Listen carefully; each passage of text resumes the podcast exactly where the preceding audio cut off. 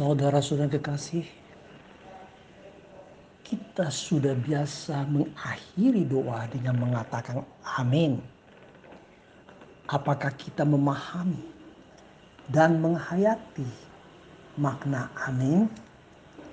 Di kamus Alkitab menjelaskan, amin adalah bahasa Ibrani yang berarti pasti, sungguh, dan benar.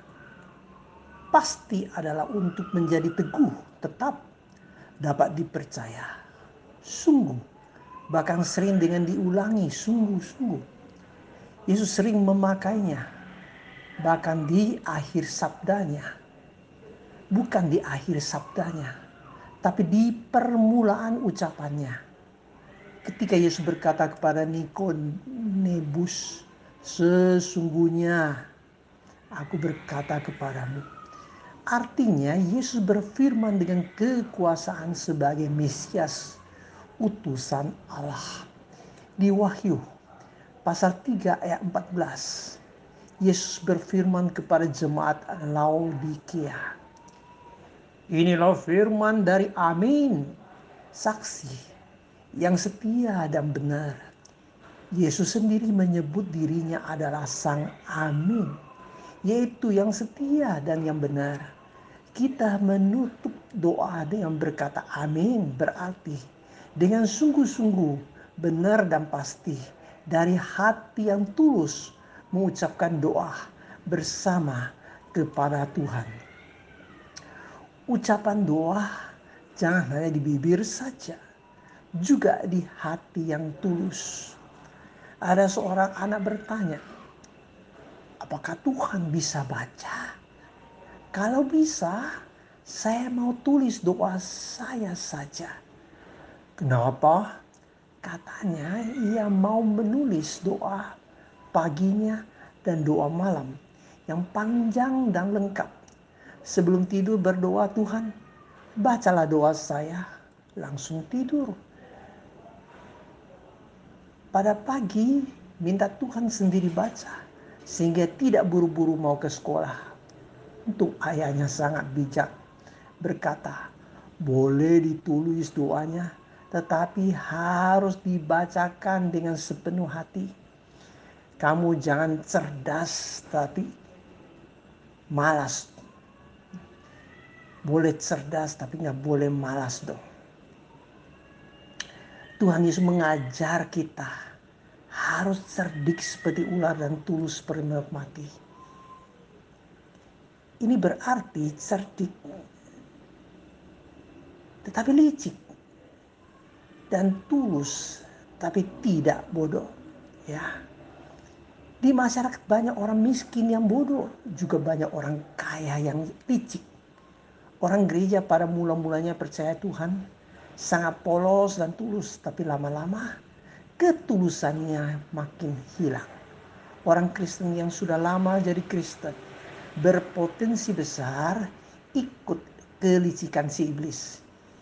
Bila hatinya tidak terpelihara sikap yang jujur dan tulus di hadapan Tuhan.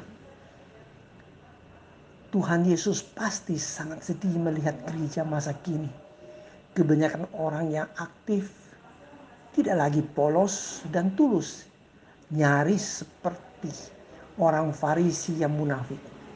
Gereja bukan lagi kumpulan domba-domba Allah, melainkan kumpulan ular-ular. Bibir kita dekat kepada Tuhan, tapi hati kita jauh dari Tuhan. Kita harus dipulihkan menjadi anak-anak Tuhan yang pasti, sungguh, dan benar kita harus mengaminkan firman Tuhan. Janganlah membenarkan diri sendiri, melainkan dibenarkan Tuhan. Bila Yesus mengaminkan hidup kita, pasti juga mengaminkan doa kita. Maka kita juga bisa mengucapkan amin di akhir doa kita. Gereja mula-mula banyak teladan yang benar dan baik, namun juga tercatat contoh negatif ada sepasang suami istri, Ananias dan Safira, yang berbuat rencana mendustai Roh Kudus. Kata Petrus, bukan manusia yang kau dustai tetapi Allah. Ananias dan Safira, Safira sepakat membohongi orang. Persembahan sebagian dibilang semua. Ini niat yang sangat jahat di hadapan Tuhan. Karena sengaja mau dipuji dan dimuliakan dengan berbohong. Maka suami istri dapat hukuman mati dengan serangan jantung. Roh Kudus mau membersihkan gerejanya dari kemunafikan. Yang dengan licik mau merebut kemuliaan Tuhan. Kisah para rasul pasal 5 ini mau mengingatkan kita bila Tuhan yang bersihkan gerejanya saat ini nyaris seluruh pendeta, penatua, dan aktivis dijatuhi hukuman mati. Untung Tuhan masih memberi kita kesempatan bertobat. Mau dengan hati yang tulus mengikut Tuhan dan melayani Tuhan. Cara Tuhan membersihkan gerejanya tidak selalu sama. Pada akhir zaman saat ini, apakah Tuhan memakai COVID-19 ini untuk membersihkan dunia dan gerejanya? Jawabannya bisa ya dan bisa tidak. Paling penting saudara-saudara, kita harus menjadi anak Tuhan yang polos dan tulus.